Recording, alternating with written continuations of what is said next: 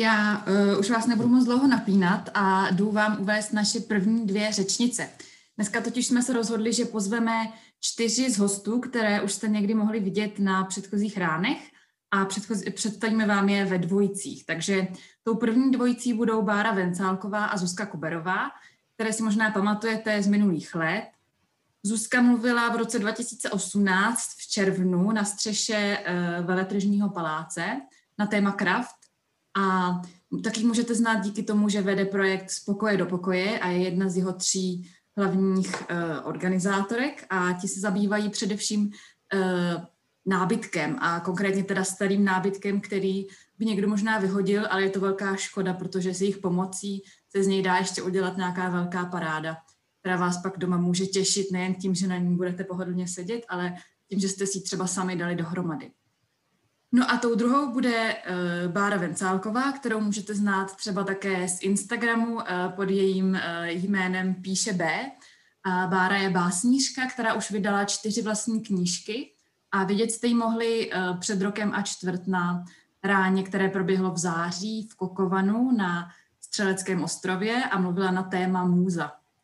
Takže dneska jsme si sem holky pozvali znovu, abychom zjistili, jak se mají, co dělají a třeba se od nich dozvěděli zase něco nového. Takže holky, předávám slovo vám. Ahoj. Ahoj všem. Taky zdravím, moc děkujeme Kači za uvedení. Přeju krásný ráno všem. Taky přeju krásný ráno a dejte si dobrou kávu, kterou jsme si udělali. Um, já to uh, vlastně jsem hrozně ráda, že, že nejsme doma zavření sami dneska, že, že máme takovýmhle způsobem otevřený dveře a okna pro, pro hromadu lidí, kteří se můžou podívat do našich bytů. Protože, jak říkám, uh, člověk sice žije jakoby uh, společensky, ale v tuhle chvíli je to takovýhle, nedá se s tím nic dělat, takže aspoň si můžeme pozvat takhle někoho k sobě domů ukázat svý, eh, svý domovy. Takhle. Je to, je to zajímavá, zajímavá zkušenost. A jak žiješ ty, Báro? No taky to zvládám, teď zrovna jsem nervózní, mě to vždycky trvá, než se rozmluvím, takže doufám, že to bude rychle, když eh, máme takovou trošku času. Mě teďka hned Zuzi napadá, jestli sedíš na své oblíbené židli, když spravuješ nábytek.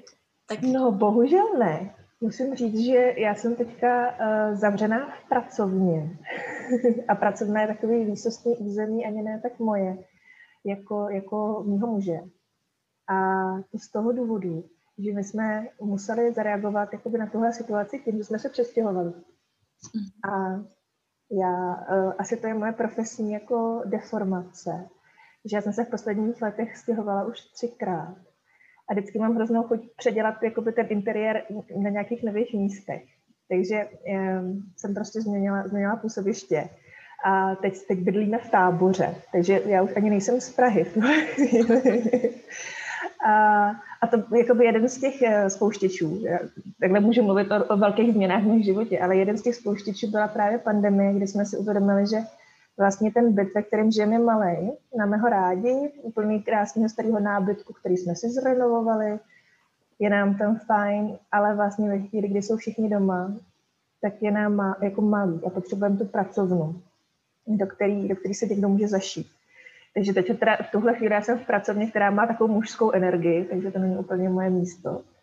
Ale, eh, ale vlastně je to v táboře, a je to krásný zážitek, kdy, kdy my jsme si od, jako odvážili, protože vlastně můžeme všichni pracovat z domova, odvážili jsme se jako opustit svou Prahu.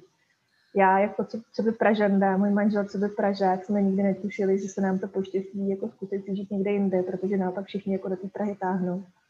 A nás to takovýmhle způsobem vypudilo trošku jako mimo a řekli jsme si, že to využijeme. A když nemůžeme cestovat do zahraničí, tak budeme cestovat takhle jakoby v rámci České republiky a zkoušet, jak se žije lokalita. Tak, tak dobře, tak tábor byla naše jako srdcovka. No a jak to zvládáš svým projektem, teda z pokoje do pokoje, když vy máte sklad na Florenci, teda asi ještě pořád, hádám? No, my fungujeme my fungujeme teďka hlavně taky online, že jo. E, je to, je to velká škoda, protože my jsme vždycky tím naším projektem si přáli, aby lidi vlastně měli možnost um, jakoby na věci šahat. Ten, um, ten nábytek je hodně o tom, že jako vlastně tvoříš, tvoříš něco fyzického. Jo. jo vy vlastně máte tu dílnu, že jo? No, no, no, máme. Jste dívala, že pořád máte i poukazy. Přesně tak, pokud se snažíme vlastně jako pracovat s tím, že jednoho dne se tam zase všichni potkáme a že hmm. bude ta dílna otevřená, budou tam moc probíhat kurzy, protože ty byly vlastně jeden z takových nejkrásnějších momentů takového, jakoby, mm, já jsem to, zrovna včera jsem přišla na formulaci, že člověk si nejlíp vyčistí hlavu, když se ušpiní, jo. Takže to je jako hodně špinavý proces toho, jako re, ty renovace nábytku. Hodně hlučný. jak, jak se ušpinit doma, že jo? no, a doma to nikdo dělat nemůže, že my jsme právě v Praze založili tuhle tu dílnu, kam, eh, kam jsme zvali eh, lidi, kteří nemůžou renovovat, protože nemají chalupy, nemají garáže, Hmm. A mm, vlastně ty kurzy renovace nábytku a čalounění byly strašně populární a za ten jeden den vždycky eh, vlastně z nějakého starého kusu nábytku, který si přinesli, eh, ty naši účastníci dokázali udělat něco krásného, nového, co si zase vezmou domů a pak na to koukají a vlastně to dělá tu radost jako kontinuálně. No a tohle je něco, co odpadá. Takže jakoby problém je, že tu dílnu už nemáme, ale máme aspoň, aspoň pořád jakoby možnost eh, tvořit jakoby v dílně my, co by ten tým a věci prodávat. A naštěstí lidi jsou skvělí a možná je to tím, že jsou zavření doma, tak touží potom se to taky nějak obměňovat. Takže pořád nám volají, píšou a, a my rozvážíme s dodávkou po Praze takhle vždycky jeden kus tam, další kus tamhle a, a pak nám posílají fotky právě těch svých interiérů. Takže je, je to možná i pro nás dobře, protože jak je člověk hodně doma, tak začne řešit to, co ho jako různě pálilo. Tady se mi to nelíbí, tohle to už nechci. A... Čínka, nová židle. no, přesně tak. Takže jakoby fungujeme, fungujeme pořád dál a akorát, že všichni na dálku. A já si myslím, že to je příležitost. Já jakoby vlastně vidím tu příležitost v tom, že co se, co se mi zdálo osobně nemyslitelný, jakože pořád člověk musí někam docházet a teď má ty schůzky a potřebuje se s někým bavit, tak najednou se mu to tak jako hezky pročistí. A já si pamatuju ten pocit taky až jako blažený z jara, kdy jsem škrtala jednu schůzku za druhou, protože prostě jako jsme se vidět nemohli. A, a najednou vlastně může, může jakoby zase otevřít prostor pro něco nového. Jo. Tak No a udržela, udržela si tenhle postoj právě až do toho podzimu, že třeba to jaro, tak to bylo takový uh, jako krátkodobý a teď najednou je ta nejistota, jak dlouho vlastně to bude trvat, jestli celou zimu teď jako to bude takový komplikovaný, zavřený. Já se v tom snažím hledat nějaký jako pocit, um, že, že, že to pořád jako může člověku něco dávat. Jo. Že, uh, že to je jako jedinečná životní příležitost, že už to nikdy nezažijeme a sice jako uh, někdy upadám v takových v takových vlnách jakoby do, uh, do neštěstí z toho, že vlastně to, co mě bylo blízké a co mě těšilo, už jako teď dát nemůžu.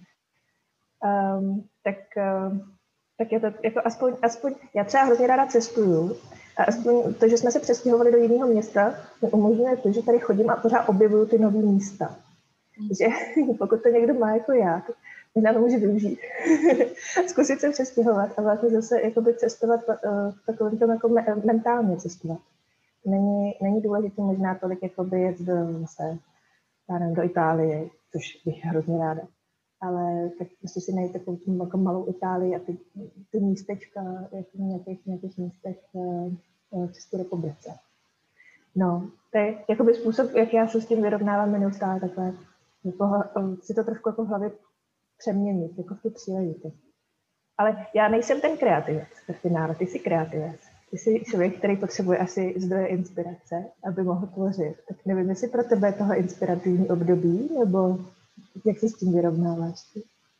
No jako jak v čem? Eh, pro mě se určitě za ten rok, eh, od té doby, co jsem měla tu přednášku, teda loni v září, tak se pro mě změnilo hodně věcí, protože za prvé studuju teď jinou školu, já jsem vlastně byla v Praze, uh, studovala jsem filozofii a historii už jsem měla dostudovanou, takže jsem teďka přešla tady do Brna um, a studuju zpátky historii, teda navazující studium. A co se pro mě hrozně změnilo, je, že jsem od té doby vydala další dvě knížky, takže mám čtyři vydané knížky a um, je skvělý, že vlastně já celou tu dobu jako pracuji z domu, že já mám teda e-shop a posílám knížky a já je sama doma balím, mám prostě, já bydlím tak jako na takovém skladišti v podstatě, všude tady mám krabice, mám všude knížky a obálky, ono to zabere strašně moc místa ale že v tomhle vlastně jsem nemusela nic měnit a za to jsem jako hrozně ráda, že třeba v tomhle ohledu se to pro mě tolik nezměnilo, ale když jsem nad tím tak přemýšlela, tak co se mě hodně dotýká, je taková ta celospolečenská nejistota, ten strach a tak, že, uh, že občas ještě, když do toho vezmeme každý svoje nějaké osobní problémy a, uh, a nejistoty, tak uh, se to občas jako tak nasčítá. Takže mi z toho všeho jako bývá někdy uh, dost úzko, což zase ta tvorba samozřejmě jako může pomáhat. Um, a odráží to se to? Pracovat. Odráží se to v tvých básních teďka, jako Nějaký, nějaká krize? No já si myslím, že jo. že jo, určitě jo. Ale já jsem takový ten člověk, co má jako hodně rozpoložení a hodně nálad, takže občas mám přesně to třeba i jak ty jsi říkala, že to vnímám jako nějakou příležitost, že jsem vděč, jako za spoustu věcí jsem vděčná, že máme možnost tak zpomalit Ale spousta věcí zase mě jako děsí, vadí mi, štve mě a tak dál. Mě třeba, co mě zase chybí, jako taky ráda cestu, ale to dokážu oživit, Česko je krásný a v Brně to mám ráda, ale uh, mě zase hrozně chybí sport a teď prostě ta zima ještě, kdy ani nebudeme moct jít ven, tak sice cvičím doma, ale není to prostě to stejné jako jít na kolo nebo si jít zaběhat nebo jít na tenis a tak, takže to si myslím, že to taky prostě pro hodně lidí, že ten pohyb je strašně důležitý a pro nějaký mentální zdraví. Je to, je to fajn. Tak teďka aspoň dělám um, jogu, mám takový jako yoga challenge na měsíc, takže to mě aspoň udržuje u toho, že fakt každý den se snažím nějakou dobu cvičit, ale myslím si, že fakt uh, v tomhle ohledu je to hodně náročný, no. A ty jsi v Brně nově, takže znáš svý spolužáky, nebo se musíš Jo, ne, tak já jsem, já jsem Brňačka, takže já jsem z Brna. Ale když jsem bydla pár let v Praze, tak jsem se naučila mluvit jinak, takže, nebo tak asi furt mám přízvuk, to je jasný. Teď taky tady bydlím zpátky, takže um, to je vždycky jako legrace, uh, vracet se z Brna do Prahy. Um, ale, eh, ale já mám hrozně ráda obě ty města, no, jako mě se v Praze moc líbilo, ale ten důvod, proč jsem se stěhovala zpátky, byl právě kvůli mýmu e-shopu a kvůli vydávání další knížky a pro mě už to bylo neudržitelný bydlet v Praze a bydlet tak jako vracet se pořád do Brna a já jsem vlastně měla víc tak ten jako v uvozovkách sklad tady v mhm. Brně, takže jsem jako věděla, že pokud chci vydat další knížku, tak se budu muset rozhodnout. Pro mě to vlastně bylo hodně i o takové prioritě, mezi školou a psaním. A uh, bylo to hrozně těžký. Já mám hodně jako problém vybrat si, co je pro mě to nejdůležitější, že často jako chci stihnout všechno. A to je možná i dost potom těžký, jako když jsem doma, tak, um, tak si stanovit nějaký rozvrh a vlastně být fakt schopná jako určit si, co je pro mě ten den nej, nejdůležitější a jako nevyčerpat se, hmm. protože vůbec stanovit si tu hranici mezi nějakým jako volným časem a prací a školou uh, může být dost náročný. No. Já jsem zrovna slyšela teď nedávno uh, takovou jakoby diskuzi na téma toho právě, jak zůstat kreativní i v rámci třeba firem, jakoby, um, jak si stále předávat tu energii, kterou člověk vlastně čerpá i z, i z kontaktů, i z toho, že vlastně se vidí s těmi kolegama na kafe. Mm-hmm. Jo, že jako to vlastně najednou, najednou to přicházíme a ukazuje se, že největší problém vlastně mají lidi, kteří právě jsou zvyklí, že chodí do práce a využívají toho, že, že se jakoby přemysťují fyzicky, aby pochopili, že jdou do té práce a pak, že ji opouští. Že vlastně se, to je jaká teorie hranic, to může být to někoho zajímavý. To jsou lidi, kteří jsou schopni jakoby fungovat na, na bázi času, to si řeknou, fungují v práci od 8 do 4, mm-hmm. nebo mezi 8 a 12 a 4 a 6, nevím, a mají ty hranice daný časově. A pak jsou lidi, kteří vysloveně potřebují ty hranice jako fyzicky. A ta cesta do práce pro ně byla ten, ten moment, jako kdy, kdy odcházejí a kdy přicházejí a za sebou jako zavírají dveře. A ty nejvíc trpí v době. A pak jsou lidi, kteří jsou tzv. integrátoři, a to jsem asi já, že já jakoby neustále žongluju se všema věcmi zároveň. a pro mě to vlastně vůbec není, není jakoby problém, že vlastně mě, mě baví pracovat, mě pak jakoby v jednu chvíli vytrhne, protože mám dceru, tak mě vytrhne dcera, takže musím dělat něco jiného. A mám takový pocit, jako, že, že v mém mozku je jako neustálý multitasking. Takže já, ale máš pravdu, že, že asi jediný, co jako potřebuji, je si říct, teď nedělám nic. Jo. Že, že vlastně je to strašně důležité, jako nějakým způsobem se odstřihnout od všech těchto věmů. A mě třeba osobně pomáhá, teď jsem začala s takovými relaxacemi, mm-hmm. mluvá o józe, tak já zase potřebuji jakoby si pouštět relaxace a vlastně si říct, tak a teď zabírám všude, tak jako zabírám ty dveře a už ke mně ty knihy jako nemůže chvíli, protože že je pravda, že takhle člověk jakoby vlastně může, může do toho svého života pořád jakoby zvát, že jo, no, různý, různý impulzy a někdy, někdy chce jenom tak jako být, no. A nemůže odejít, je to doma. no. To jo, to taky právě může být těžký zavřít ten počítač, eh, že jo, a fakt se od toho odpojit a dělat i něco, třeba otevřít si knížku nebo třeba tu relaxaci, mm. uh, protože taky je to jako další a další odkazy, další články. Nejhorší je ještě jako záplava novinek že jo, a zpráv, tak to v tom úplně se můžeme ztratit, tak uh, je to fakt těžké najít si ten balans. Může být taky dobrý třeba dát si nějaký limity na aplikace, to, to mě taky jako docela pomáhá, že mám aspoň nějaký pojem o čase, kolik fakt času strávím na tom mobilu nebo na tom počítači. Hmm. Hmm. A možná chodit ven. jakoby zase, zase si říct, že některý čas, jakoby nějaká, nějaká doba během dne je prostě na to, že jdem a jen tak jako člověk se projde. No, je to důležité. a připadá ti, že ti něco tahle jakoby, situace něco dala? Když nad tím přemýšlíš, je tam něco jako pozitivního, co cítíš, nebo co jsi o sobě dozvěděla? Hmm, to je, to je těžká otázka. Uh, no, mně přijde, že určitě mě to nutí jako trávit ještě víc času sama se sebou. Jako já i takhle jsem introvert a vždycky jsem trávila hodně času sama se sebou, ale tohle ještě, že, že teď um, si myslím, že jak jsme zavření doma, tak um, Um, tak se spíš snažím těžit jako z toho, že, uh, že se snažím nestrácet ten kontakt uh, jako tak se sebou, no. Snažím se hodně psát. Já si píšu deník, to mi pomáhá, že mám nějakou tu uh, reflexi, že já prostě fakt často nevím, co si myslím nebo co cítím, dokud si to nenapíšu, takže to psaní je pro mě ten prostředek, uh, jak, uh, jak si uvědomit spoustu věcí. Takže možná jako v tomhle, v tomhle fakt vnímám to pozitivum, že mám ten čas a prostor, Uh, ale i tak se, jako momentálně spíš u mě převažuje to, že hodně vnímám tu nejistotu a ten strach, že s, tímhle jako boju, že teda teď zrovna nejsem úplně v tom rozpoložení, že bych vnímala tolik pozitiv, ale hodně na mě dolíhají i ty negativa, tak řekla. A co ty? Co ti to, teda ty to vnímáš možná pozitivněji, tak bych zakončila raději s tebou, než se mnou, když se tak poslouchám. Já bych, já nevím, já přemýšlím, jestli, jestli nemám nějakou radu nebo, nebo nějaký tip na nějakou knihu třeba. Že člověk jako by měl nějaký zase externí zdroje, takový jako radosti. A teď mě teda taky nic moc nenapadá. Já si myslím, že, že je skvělý, že vznikají Creative Mornings a, a, a vlastně nějak jako se snaží překlenout eh, tu, tu separaci těch našich mm, mm, protože jako člověk sám tak hodně třeba jako zabředá do těch myšlenek. Ale tak jakoby co já jsem se, já jsem se prostě o sobě dozvěděla to, že, že člověk se taky může to, jakoby, ty myšlenky sám tvořit a že se může jakoby, jako těšit.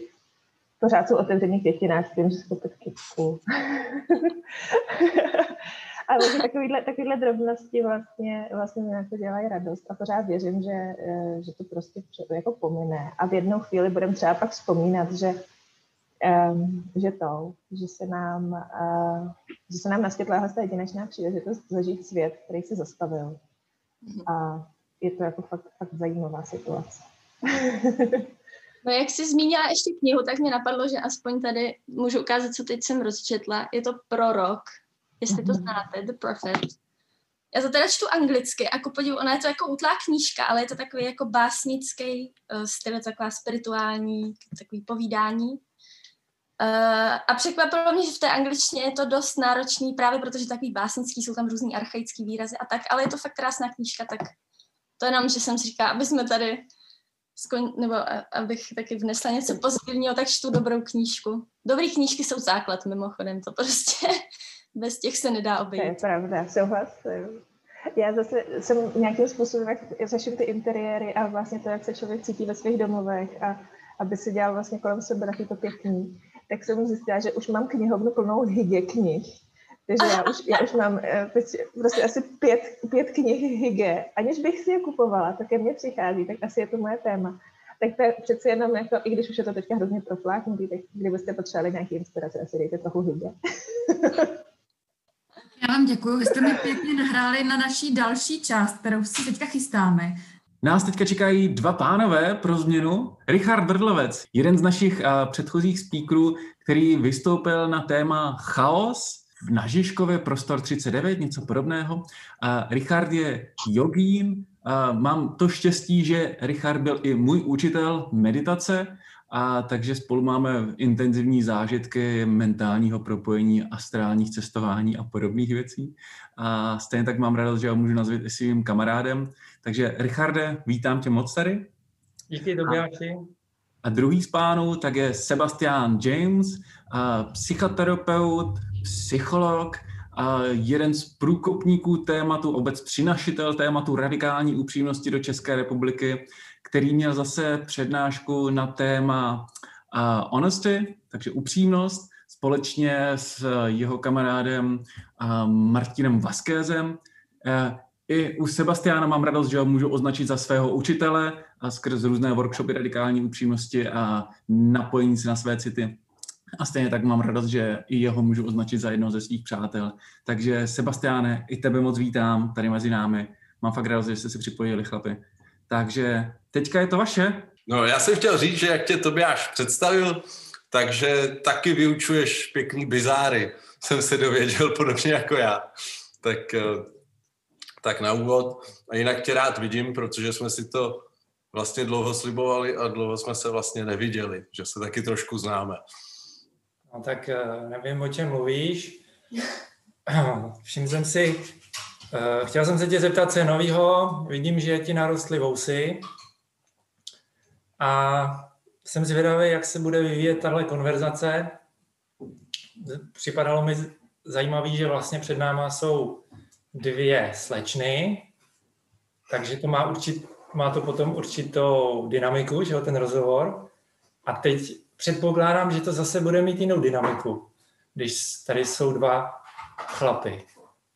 No, já jsem se trochu bál, aby se právě eh, ty hosti nebo ty ostatní připojení nenudili, že nám nemůžou pokládat otázky. Tak to se, to se taky bojím, ty dynamiky trochu. Aby se nenudili lidi. No to se bojím hrozně. Ale no. tak uh já, to, já řeknu jenom něco, co mě napadlo k tomu tématu, o kterém mluvili holky. Uh, znáš, víš, co to je environmentální žal? Mm, nějak intuitivně, ale pověs mi o tom. Jestli, jestli u tebe, víš, někdo s tím nebyl. Uh, termín, který se používá pro uh, vlastně mladý lidi, kteří si uvědomují, jak uh, špatně skončí planeta, a mají z toho depresi. Jo. No, a uh, což jako dokážu si to představit, uh, jaký to je pocit, protože jsem si uvědomil, že uh, párkrát uh, za tu dobu teď té poslední uh, plošní karantény, tak se o mě pokoušel covidový žal. Jo, to, a vlastně jsem si uvědomil, že to je podobný, že vlastně si uvědomuji, jakoby tu, eh, ten environmentální žálon eh, spočívá v tom, že vlastně s tím člověk není schopný nic udělat. Vidí, že se blíží zánik, ale eh, není v nikoho silách v podstatě s tím něco udělat, protože tam působí nějaký politický a ekonomický zájmy, který vlastně jakoukoliv snahu překazí. No a vlastně covidový žal je podobné, jo, protože vem si, že uh, část lidí, ne, a ještě to zajímavé, jo, ta společnost se rozdělila. Část lidí normálně chodí do práce, má příjem, má vlastně víc času, protože třeba pracují z domu nebo nepracují z domu. A druhá část lidí nemůže pracovat, nemá příjem a teď ještě vlastně, eh, a to platí, ještě jim vlastně zakážou chodit ven. Eh, takže eh, mimochodem taky mi to připomnělo vlastně mm, situaci je to zajímavé, že se člověk může vcítit trošku do, do situace začínajícího nacistického Německa, že jo? A co jsem slyšel, ještě jenom to dořeknu, abych teda nenudil, co jsem slyšel, tak to bylo prý tak, že, že ty židé vlastně jako tomu vůbec jako nemohli věřit, že je tohle to možný. Říkají, to přece není jako, nedokázali si to vlastně připustit, že to je vůbec možný. Ale jak je to vlastně snadný, že nám uh, vláda řekne, ty nesmíš ven, uh, ty nesmíš pracovat, nesmíš si vydělávat, jo? A, uh, ale spousta lidí nedostane žádnou podporu, protože nespadá pod nějakou podmínku, jo? Já jsem se do toho bohužel taky dostal. A pak se člověka pokouší covidový žal, protože si uvědomuje, jsem v háji, ale nemůžu s tím nic dělat. Jo, jo. No, ty co bych tomu řekl? Eh, covidový žal a uh, žal.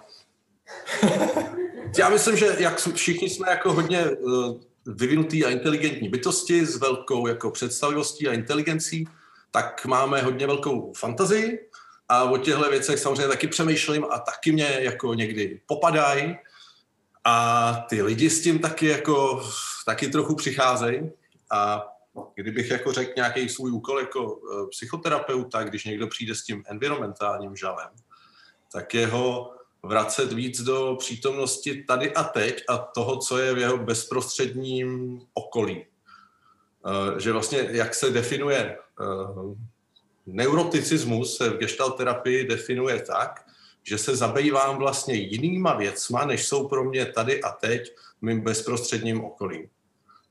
Protože ten zánik té planety, nebo jak ty říkáš, nebo uh, to, že nemůžeme na ulici, pořád ještě trochu jo, samozřejmě, ale ne úplně zcela, ne, jako nedominuje ten můj přítomný okamžik tak se je snažím vracet a sebe taky, jo, protože mě to taky popadá, jo, a taky jsem nasranej na vládu a na takové věci a, a nebo jak, v jakém stavu je planeta.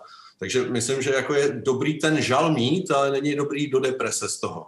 Jako pokud někdo z toho žalu přejde rovnou do deprese, tak jako zas tak bych si na tom nefrčel, jo? nebo ně, znamená to, že potřebujeme se nějak líp ukotvit v těch mezilidských stazích a Hlavně asi v mezilidských stazích, protože vždycky, když ty vztahy navážem, no teď abych se já nerozkecal moc, tak začnou sedít dobré věci, když navazujeme dobrý vztahy.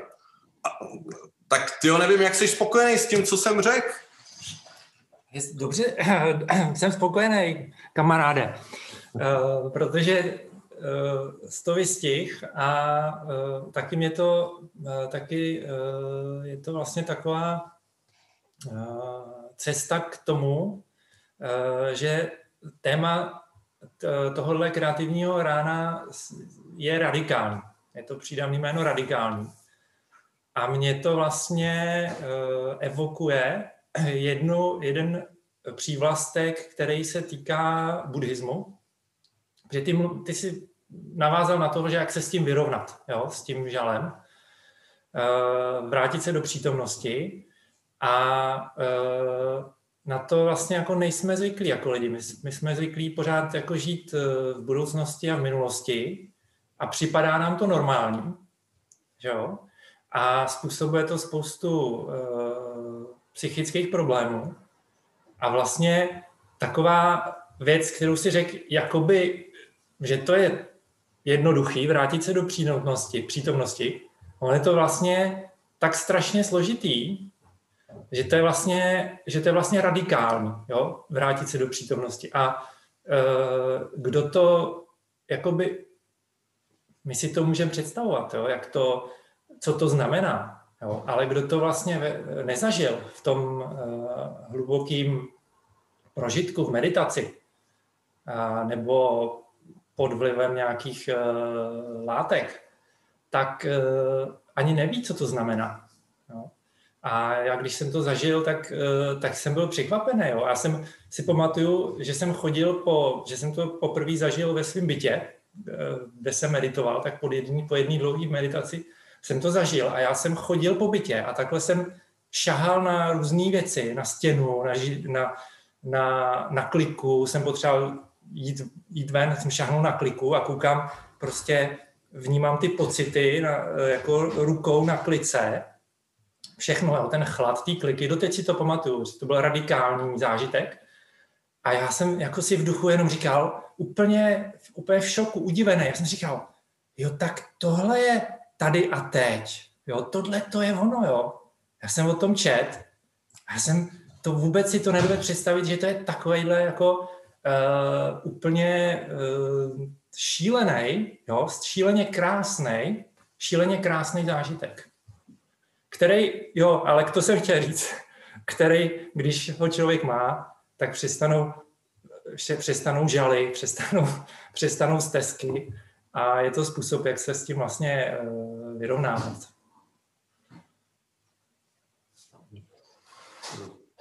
To je takový svůj psychologický pohled. Já jsem tě chtěl ocenit za to, uh, jako že jsi nasranej na tu vládu nebo na tu situaci, že právě jeden z těch ta cest do té přítomnosti pro nás v psychologii a v terapii je právě skrz emoce, který prožíváme neustále. Jo? Já rád pracuji s takovýma základníma pěti emocema, prostě právě smutek, naštvání, radost, strach, eh, co tam ještě, zhnusení a stud. Jo? To je neustále nějak v nás. A jeden jako z důvodů, proč vlastně podle mě se v, tý, v tom okamžiku tady a teď tak často nejsme, že ty emoce, většina z nich je nějakým způsobem nepříjemná, zvlášť jako ze začátku a pokud nemáme nějakou podporu se a nějaký podpůrný prostředí, kde je můžeme jako prožívat bezpečně, což, není pod, což je rozdíl mezi potlačováním. Tak jak je, máme tendenci potlačovat, protože jsme se všichni naučili od mala, skoro všichni, tak se vlastně vytrháváme z té přítomnosti a spíš přemýšlíme do budoucnosti, jak se z toho, jako dost, jak necítit to, co cítíme. A tak se vlastně dostáváme pryč z toho přítomného okamžiku a proto vlastně gestalt terapie, což v podstatě je ta radikální upřímnost, vlastně vrac, často i vrací lidi zpátky k tomu eh, hněvu, že mají právo se zlobit a nebo právo, jako prostě to tam je, to není o právu, to tam je dřív, než eh, všechny ty emoce v nás jsou a co se ukazuje, že když ty emoce mezi sebou sdílíme, jak ty si třeba sdílel se mnou, tak najednou máme nějaké propojení a vzniká nějaká naděje. A, a navíc můžeme domlouvat super věci, jako že spolu budeme meditovat nebo že budeme užívat nějaké látky, aby se, se pak dostávali ještě do té víc jako duchovní přítomnosti.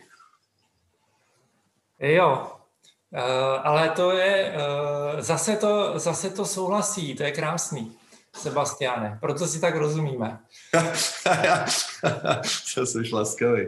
Uh, já, já, já říkám lidem, který, když na to přijde řeč, že nejlepší kombinace na psychické problémy je právě psychoterapeut a meditace. Jo? A tohle, tohle to vyjadřuje, protože třeba e, součástí toho kurzu, co je vlastně těžké, je naučit ty lidi, aby nepotlačovali ty negativní, vlastně co, nic, co přichází, co se objevuje v jejich mysli. Jo? To znamená i tyhle negativní emoce. A, e, a zajímavý je, že e, v té meditaci to funguje tak, že ta meditace Eh, ta meditace vlastně, eh, ta emoce, pardon, ta emoce, eh, ona může odejít jenom, když se jí nebrání člověk, když ji nepotlačuje. A když ji potlačuje, tak je prostě pod pokličkou a nedostane, a je tam ale. Jo, ale jako mus, on se vlastně musí člověk naučit uh, ji přijmout a teprve potom je tam prostor pro to, aby ho opustila. A když ho opustí, no tak tam pak zbydou ty hezké emoce? Uh, jo, do jistý míry bych souhlasil, já ještě vnímám emoce spíš, že se ukazují v těle, spíš než jako v mysli, oni se právě tělesnějí a jak se tělesnějí, tak to bývá nepříjemný často.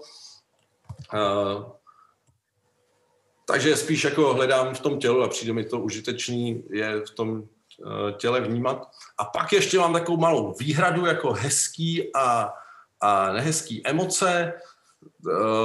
Mně to vždycky přišlo, když jsem se na to takhle díval, protože já jsem byl velký potlačovatel emocí, prostě do rané dospělosti, takže to je hrozně nefér, že jsem, jo, že jsem vlastně podvedený tím životem, že jenom jedna příjemná emoce na prostě pět nepříjemných. A se mě hodně osobně vyplatilo a vlastně stalo se to i eh, takovou důležitou věcí, co se snažím, čemu se snažím ty lidi vést v psychoterapii, je, že ta příroda nám je nedala, aby nám bylo příjemně nebo nepříjemně, ale že každá ta emoce, každá z těch šesti emocí, nějakých základních, pro mě základních, má nějaký význam pro nás, že nám, že nám dává nějakou zpětnou vazbu o našich potřebách a, a mobilizuje nás přímo k nějaký akci. Jo? A že hněv není negativní emoce, hněv nás správně mobilizuje k nějakému vymezení se, k ohraničení se. Jo? Smutek nás zase mobilizuje k tomu, a, a málo se to ví, informuje mě, něco mi schází. Většinou nějaká blízkost, porozumění.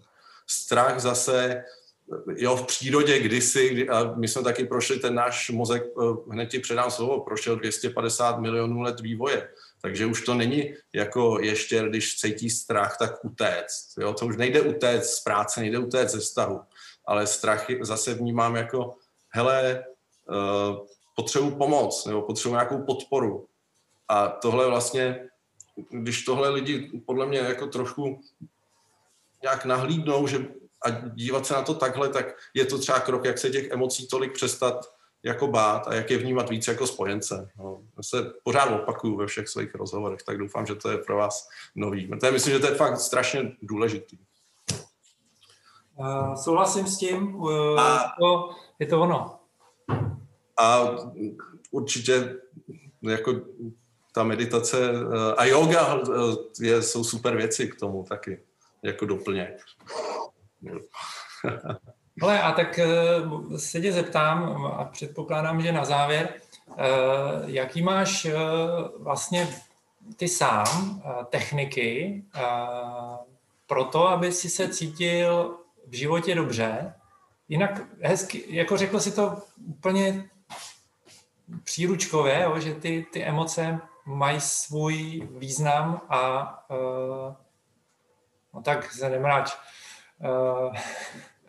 A e, prostě dohromady dáváme, vlastně mně přijde obrázek, jo, každý ty z jedné strany, ze strany psychologie, já z druhé strany, ze strany uh, meditace, potažmo buddhismu, ale uh, mně přijde, že jako vytváříme stejný příběh jo, toho, jak je dobrý pracovat se svýma emocema a myšlenkama.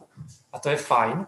A mimochodem bych eh, upozornil uh, účastníky na zajímavý a tebe, uh, na objev, který jsem udělal před 14 dny, že existuje na Princeton University online kurz, který se jmenuje Buddhismus a vývojová psychologie. A uh, je to jako hezký v tom, že se člověk donutí, když to je teda na, na Ivy League School, na skvělý univerzitě, jak se donutí si to teda otevřít a pustit. Dá se to najít na internetu a je to zdarma. A tam uh, právě profesor vlastně srovnává uh, tu teorii buddhistickou s moderníma poznatkama psychologie a zatím jsem na začátku a, a vypadá to, že dojde k tomu, že to věděli před dvěma tisíci lety to, co, eh, to, co tady na, na západě vlastně začalo po, s Freudem, řekněme. Takže já se tě pak taky zeptám, jak se ty s tím vyrovnáváš, nebo jak, jaký ty máš jako typy a takový triky, jestli máme ještě čas. Uh, já jsem takový spíš línej tvor, jo? já na sebe nemám nějaký velký nároky a třeba jedna z hodně věcí, co se mě vyplácí, nebo lidem se obecně vyplácí na sebe nebýt moc hnusnej, a za stolik od sebe neočekávat. A takové jako věci, co mě pomáhají, taky kromě toho je Já mám rád, když život má, to, to by až dává srdíčko, tak nevím, jestli mám končit. Snad ne. Já se držím takového, že je dobrý udržovat rovnováhu mezi tím si hrát v životě a být ostatním užitečný. A že když jsou tady ty dva principy, nebo principy, jako takový spíš aktivity v rovnováze, tak vlastně nevznikne prostor pro tu depresi, nebo aby se ten žal rozvinul v nějakou depresi. Protože když si hraju, tak mám zábavu a většinou nepropadnu do deprese. Jo, když pomáhám druhým, tak vidím, že jsou na tom oni nějak špatně, já jsem nějak užitečný, nemyslím na sebe a je to hrozně užitečný. A co je takový zvláštní, že ani pokud přeženu jednu z těch věcí, pokud si budu jenom hrát, tak prostě propadnu do mánie, pokud budu jenom pomáhat ostatním, budu mučedník, a když je to v rovnováze, tak to hrozně dobře funguje. Tak to je takový velký odnos pro můj, pro můj život a opravdu jsem neviděl lidi, co tohle mají jako v rovnováze a nepotlačují svý prožívání a otevřeně o něm mluví, což tady všichni děláme. Uh, a vůbec je fajn vždycky vidět tolik jako mladých lidí, co otevřeně spolu mluví, tak pak tam nevidím prostor pro nějakou velkou depresi. Jak, co funguje tobě, kamaráde? Uh, jo, tak ty si, ty si řekl, jak o tom přemýšlíš, já řeknu prakticky, uh, co dělám. Uh, mm-hmm podstatě snažím se, uh, snažím se chodit na obyčejné procházky, jo, ideálně, když to není v Praze. Uh, každý, každý den si zamedituju a řekl bych taky každý den uh, se ráno rozcvičím, zacvičím si. Jo. Krásnej krásný video na tohle téma, co má člověk dělat, jakoby každodenní rituál, který mu pomáhá. Má, je na YouTube kanálu, který se jmenuje Ultra Spiritual od člověka, který, od komika, který se jmenuje JP Sears a zkuste to najít třeba pod názvem uh, Morning uh, Ritual. Takže, takže uh, například já bych doporučil, když vám není zrovna nejlíp, tak si třeba zacvičit tu jogu a uh, tu meditaci, to, to je potřeba na to myslet dopředu, no, naučit se to a, a pak už to funguje skoro jako uh, taková nadpřirozená schopnost. Jo? Jeden učitel říkal, tak co byste si vybrali? Chcete být neviditelný, umět lítat, anebo umět na zavolání se cítit dobře? A já bych asi myslím, že čas vypršel a uh, hrozně rád jsem tě viděl. Uh, děkuju uh, Tobiášovi a celému týmu, Kačce, Kačku tam vidím a dalším, Vláďovi a všem, kteří, kteří se na nás koukali. Ahoj.